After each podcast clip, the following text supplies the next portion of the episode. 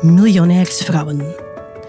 De taboe doorbrekende podcast waarin ik, Katrien van de Water, high-end business mentor, in gesprek ga met succesvolle onderneemsters over hun werk, hun leven en het pad naar 1 miljoen. Zelf ben ik miljonair sinds mijn 45ste en ik ontdekte dat er vele wegen naar Rome leiden. Ik neem je graag mee op reis. Het is mijn intentie om van overvloed het nieuwe normaal te maken.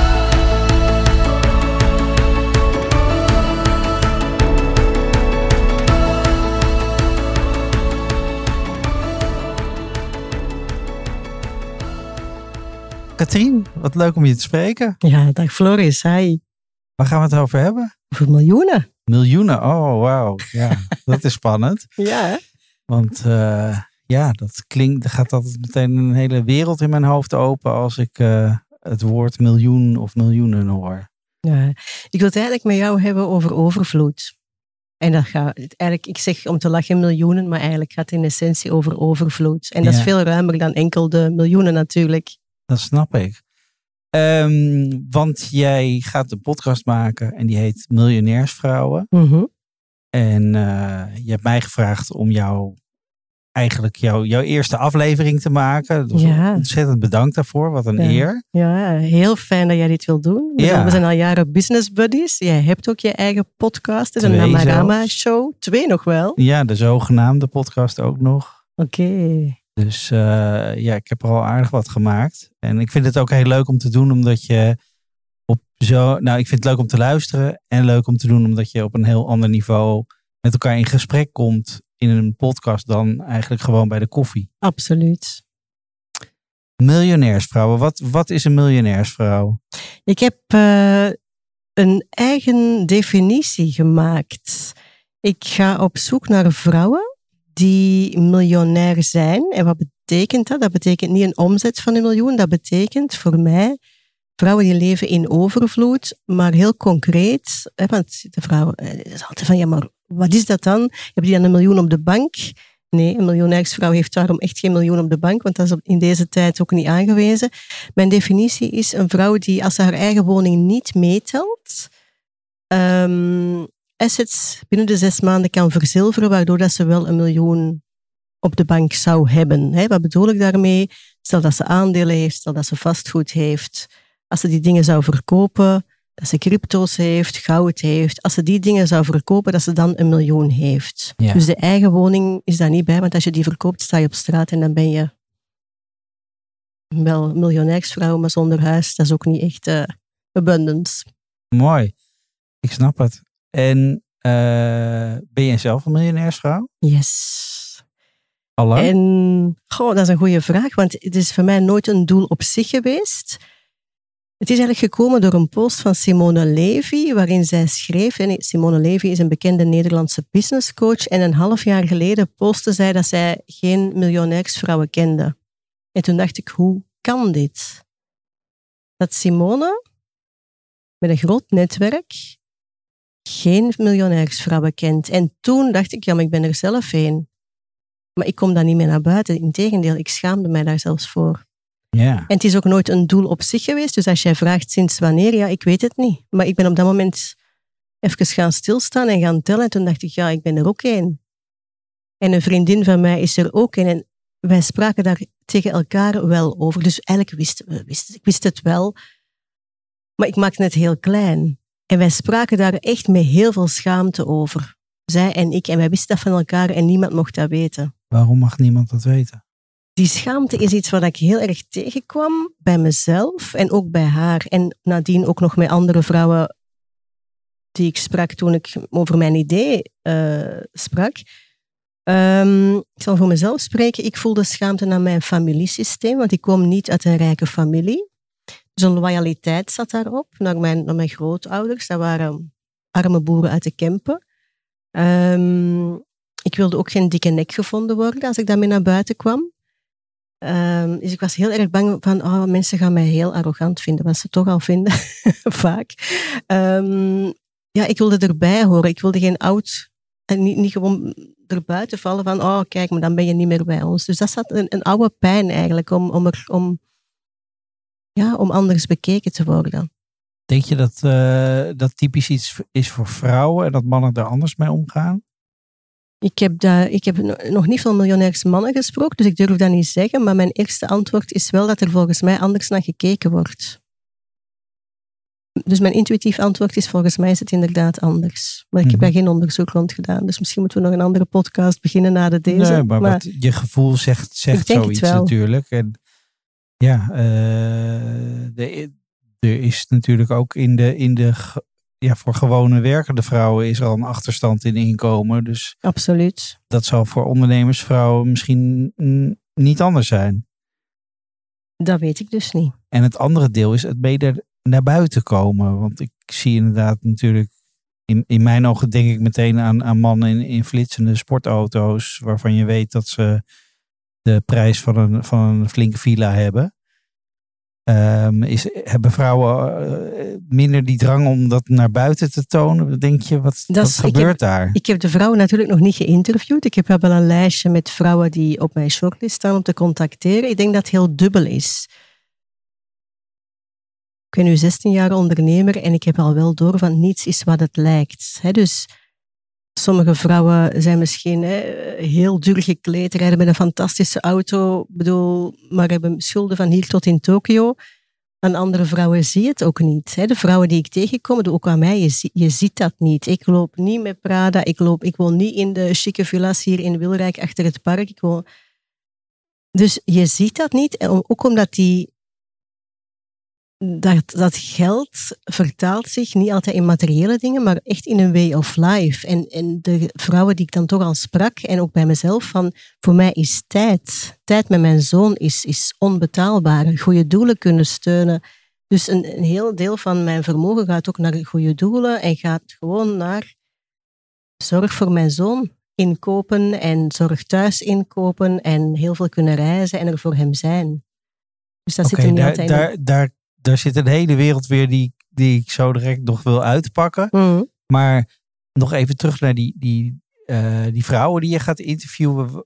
Uh, uh, je, je, je, gaf al aan, er wordt niet over gesproken. Simone Levy kent ze niet. Jij gaat dit met je podcast meer blootleggen. Mm Het taboe wie, wie wil, je, wie wil je bereiken? Wat wil je bereiken?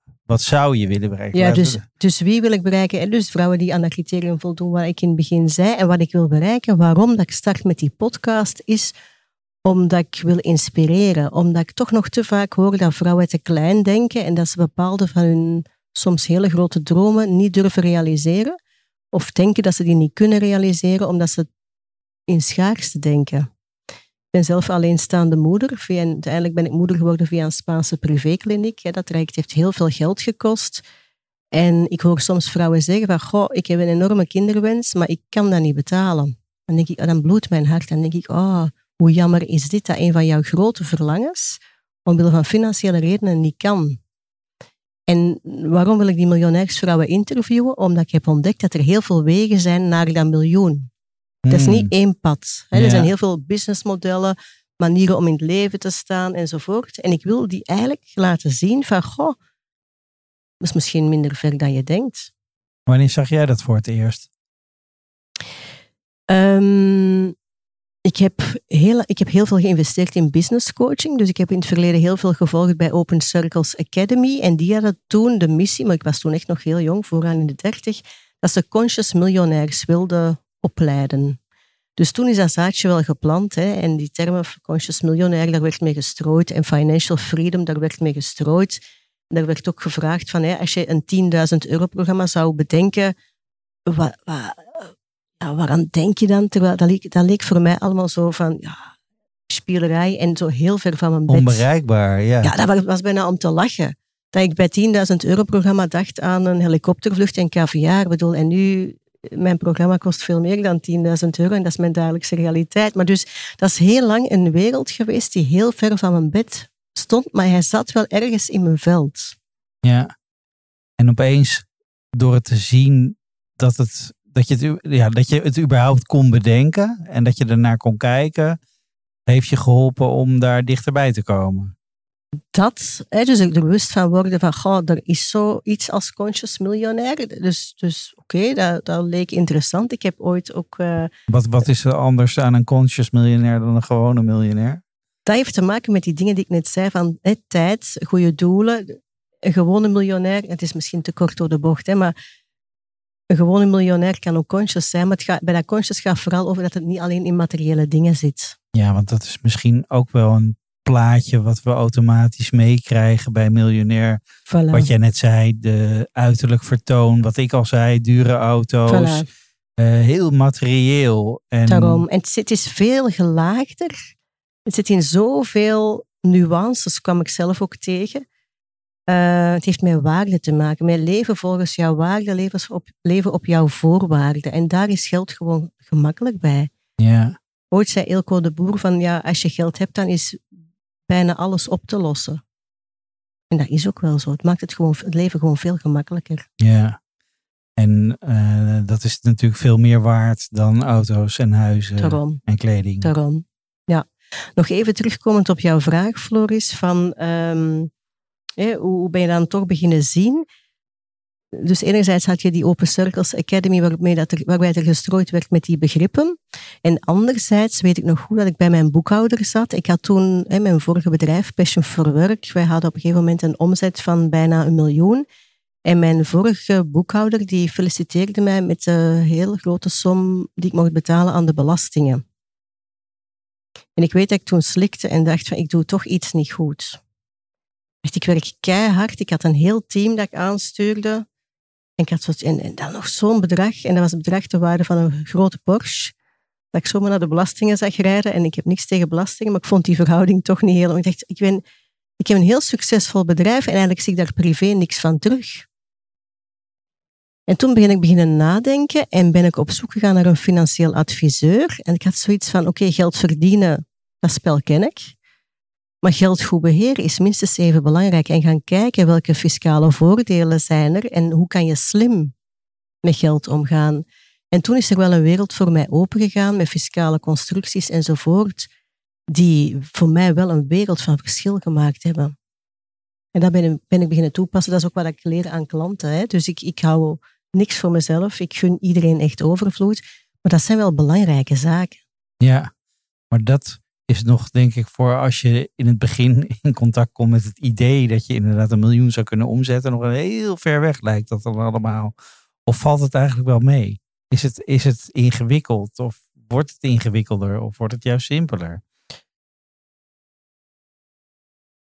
Dat gaat natuurlijk geleidelijk aan. Dat miljoen is er bij mij ook niet zomaar gekomen. Het is wel, eigenlijk is dat, heb ik zo'n aha erlevenis gehad tijdens een Vision Quest. Ik ben ooit um, naar Kreta gegaan en ik hou van avontuur en nieuwe dingen doen. En ja, er kwam een Vision Quest op mijn pad en dat is vier dagen in de natuur zonder, wat was, zonder eten, zonder gezelschap, zonder onderdak.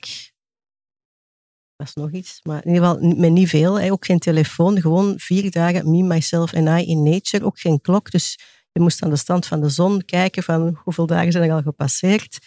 En ik weet dat ik op het laatste nippertje ehm, nog grap een notitieboekje had meegenomen. Eigenlijk mocht dat niet, maar ik dacht, ik doe dat toch. Een beetje rebels. Um, en ik kreeg allemaal downloads door. Ik had toch niks te doen. En ik ging eigenlijk niet voor een nieuw businessplan. Ik ging gewoon voor die ervaring van wat gebeurt er met mij. vooral ook als ik vier dagen niet kan eten, want ik eet heel graag. Wat zou ik dan, hoe zou dat zijn? Dus heel erg nieuwsgierig.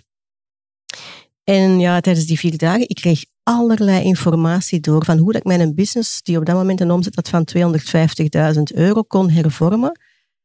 Ik kreeg alles door, met welke freelancers ik moest gaan werken, dat ik het idee van de loopbaanchecks moest gaan implementeren. En ik ben thuisgekomen, ik heb dat notitieboekje van voor tot achter en terug geïmplementeerd. En honderd dagen later kreeg ik ook zelfs de namen door van de mensen die in mijn team zouden moeten zitten.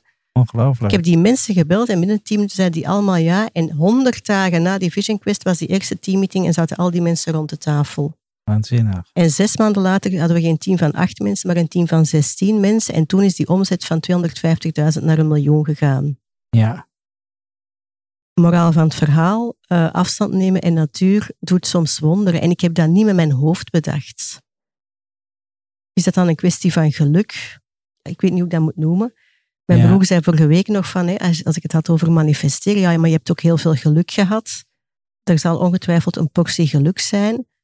Nu, het is ook zo, ik ga door waar anderen stoppen. Want dat is ook een pad geweest dat niet altijd over rozen gegaan is. En er zijn ook heel veel tranen bij geweest. En, en ook wel keihard werken en discipline. Ja. Ja, je, je noemt heel veel dingen achter elkaar, maar het begint dus bij dat idee wat geplant wordt. Misschien een zaadje wat ergens geplant wordt. Hè? Er is meer mogelijk. En Mm. misschien beperk ik mezelf te veel en ga ik op zoek naar dat meer. Eh, en eh, je zegt ook van ik, ik, ik stond open voor downloads en ik, en ik heb me bewust dingen aangetrokken. Dus denk je dat er een wet van aantrekkingskracht is? Absoluut. En hoe werkt die volgens jou? Dat is een hele goede vraag. Eh, ik krijg die, die vraag dus zeer veel, omdat ik de afgelopen vijf jaar ook heel veel gemanifesteerd heb. En mensen vragen me altijd, maar hoe doe je dat? En ik kan het eigenlijk bijna niet uitleggen. En het is dus Baptiste Pape die daar een boek over geschreven heeft. Dus die komt binnenkort ook een workshop geven voor mijn netwerk. Dus ik kan dat eigenlijk niet in detail uitleggen, maar ik heb er wel bij stilgestaan. Het heeft ten eerste ook te maken met jezelf je mooiste leven gunnen. Dus echt je, verlangens ten diepste voelen en ook niet censureren. Ik bedoel, toen ik een kinderwens had, ik heb die eerst nog proberen weg te duwen. Of toen ik droomde van wonen in Spanje, dacht ik, ja, maar weet je, wacht totdat je op pensioen bent. Ik was 38 jaar, dat was natuurlijk nog lang. Dus in het begin was het gemakkelijker om die verlangens weg te duwen. Dus het gaat wel over je verlangens echt serieus nemen. En die echt helemaal voelen. En dan die uitspreken.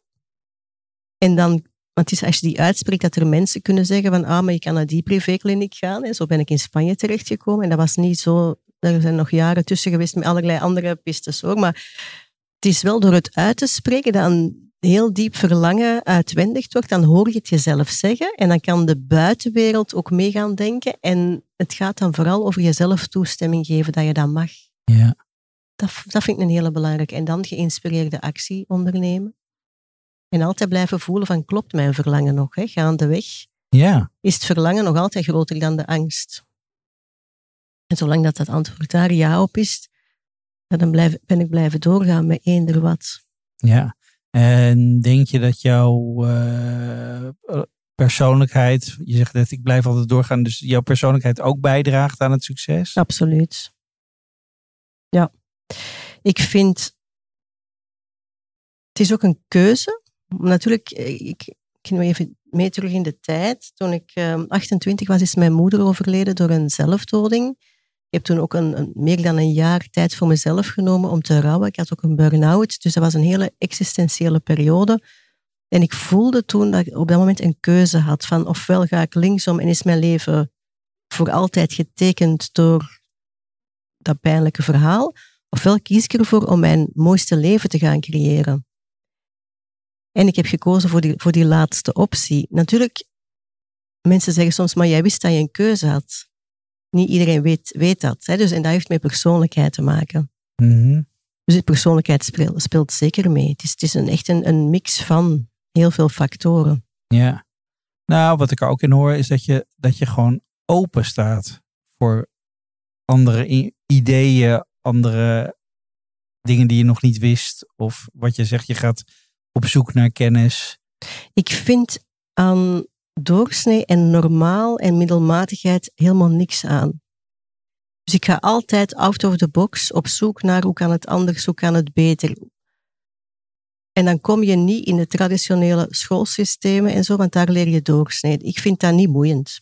Ik, ik heb, heb ongelooflijk veel respect voor, voor de mensen in het onderwijs, absoluut. Maar ik vind daar persoonlijk te weinig spark voor mezelf. Dus ik ga altijd op zoek naar hoe kan het anders, hoe kan het beter, waar ga ik van aan, waar word ik blij van. En ik vind spelen, voor mij is ondernemen ook echt een spel. En ik speel gewoon graag op het hoogste niveau. En ik wil ook intellectueel uitgedaagd worden, uit mijn comfortzone gaan, groeien.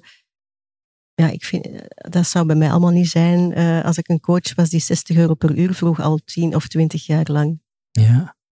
En je hebt uh, ook in je, in je business een, een flinke switch gemaakt. Mm -hmm. Want je had dat bedrijf, Passion for Business. Ik had Passion for uh, Work. Passion for Work, sorry. Ja, ja, dat heb ik verkocht in 2019. Ja, waarom heb je het verkocht?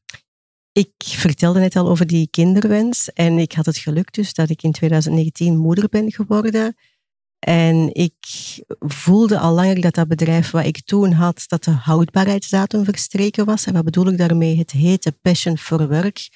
Ik ben een pionier en ik voelde van, goh, ik heb alles gezegd, alles gedaan. Alle, eh, ik kon niet meer vernieuwend zijn. Alle, alle inspiratie die ik had, ja, die had ik uitgeleefd. Dus het was, ik vond het ook niet meer leuk. Plus, ik wist ook van, ik wil heel veel tijd met mijn zoontje doorbrengen. Ik ben op mijn 43ste moeder geworden. Ik hoorde iedereen zeggen van, het gaat zo snel. Een kind is zo snel groot. Ik dacht, ja, als iedereen dat zegt, dan zal er wel iets van waar zijn. En ik heb het eerste jaar, um, de eerste vijf maanden niet gewerkt. En dan verder, zij drie uur per dag naar de opvang gegaan. En voor de rest heb ik gewoon heel veel tijd met hem doorgebracht. Ja. En dat was ook een heel bewuste keuze. Ja, dus je hebt ook je ondernemersleven aangepast aan het droomleven. Absoluut. Wat je wilde leiden. In plaats van waar heel veel mensen denk ik dat andersom ja, ik vind je, doen. je agenda moet je prioriteiten weerspiegelen. En als ik zeg van oké, ik vind tijd doorbrengen met mijn kind belangrijk, maar ik doe dat niet, ja, dan is dat niet echt consistent. En als ondernemer heb je die vrijheidsgraden. En zeker als, als er overvloed is. Ik bedoel, ik had net een bedrijf verkocht, dus ja, ik, ik, ik kon het mij financieel ook permitteren om, om dat te doen. Om even weer te gaan spelen. Maar toch werd het meer dan je in het begin had gedacht misschien. Of dacht je wel van dit is, dit, dit is logisch dat het weer een succes wordt? Ja, ik kan niet anders. dus eigenlijk is dat logisch. Bedoel, Stel dat ik morgen weer begin met iets anders. Ik kan niet anders dan van iets een succes maken. Dat is wel interessant, want dat is natuurlijk misschien ook een soort basishouding van je. Want dat wil je ook voor jouw klanten. Absoluut. Maar dat komt ook omdat als je, als je die spelregels van het ondernemen kent, van dat spel, dan is dat niet zo moeilijk. Voor mij was bijvoorbeeld een kind manifesteren of een partner manifesteren, vind ik veel moeilijker dan een succesvolle business manifesteren. Dus ik wil dat ook nuanceren van, bedoel, dat is een bepaald talent dat ik heb. En gelukkig heb ik dat talent, want ik mag dat ook doorgeven aan mijn klanten dat is iets dat mij echt van nature afgaat. Wat ik ook geleerd heb, hè, want ik laat mij ook coachen. Um, trouwens, hè, jouw vrouw Nienke van der Lek is mijn businesscoach. Dus ik laat mij omringen door, uh, door toppers. Dus het is niet dat ik dat van nature allemaal heb, maar het is wel een... Je stopt niet met leren. Nee. Nee, omdat ik ook voel dat er altijd next level mogelijk is. En de vraag is, stopt dat dan nooit? Volgens mij niet. En het gaat niet over die hogere omzetten, maar het gaat wel over ja, in je eigen grootheid gaan staan en echt je potentieel leven. En ik ben nog lang niet aan het maximum van mijn potentieel. En, en dat brengt weer terug op, op hè, wat, is er, wat, is het waar, wat is de waarde voor jou? Dus, dus geld is meer een middel. Het is vrijheid. Om vrijheid te creëren. En wat is vrijheid voor jou? Vrijheid is voor mij op elk moment eigenlijk de keuzes kunnen maken die op dat moment voor jou belangrijk zijn. En continu bijsturen. En dan komen we echt op een hele belangrijke voor mij, vrijheid. Als je aan, aan 100 ondernemers vraagt waarom ben je ondernemer geworden, dan gaan er 99 zeggen omwille van vrijheid. En ik zie te veel ondernemers nog struggelen en geen vrijheid ervaren. Eerder nog soms slaaf zijn van hun eigen bedrijf. En dat kan anders. En dat heeft te maken met, ja, met, met businessmodellen en hoe dat je je bedrijf opzet. En ook wel met product en zo. Hè. Dus je kan niet van elk bedrijf iets met een heel kleine winstmarge, ja, dan moet je wel massa gaan doen. Dus, maar er, is, er zijn zoveel mogelijkheden om, om ook als je een bedrijf hebt met een team, om jezelf misbaar te maken in je bedrijf. Mijn vorige bedrijf, ik, ik runde dat vanuit de bergen in Andalusië, later van op Ibiza. Ik woonde daar. En ik had mijn team in België die ik aanstuurde. Toen al allemaal online, nog lang voor corona. Ehm, dus er is gewoon veel meer mogelijk, maar je moet het bestaande denkkader, hoe dat iedereen denkt, durven loslaten. Ja. Dus als ik het samenvat, je, je moet openstaan, je moet leren, je moet kunnen zien wat je je diepste verlangen is en daar de ruimte aan geven. Zijn dat denk een paar hoofdingrediënten voor jouw succes geweest? En nog een hele belangrijke, continu investeren. Leven met open zintuigen, maar ook echt grote investeringen doen in jezelf. Dat is ook een superbelangrijke. Ja. Omdat da, da, daar wordt dat open denkkader, dat breder denken, wordt daar continu gevoed. Dus ik denk dat dat wel uh, de belangrijkste ingrediënten zijn. Ja. En uh, nu ga je straks uh, allemaal andere vrouwen interviewen en daar ook weer nieuwe dingen leren, denk ik. wat, wat hoop je er voor jezelf uit te halen?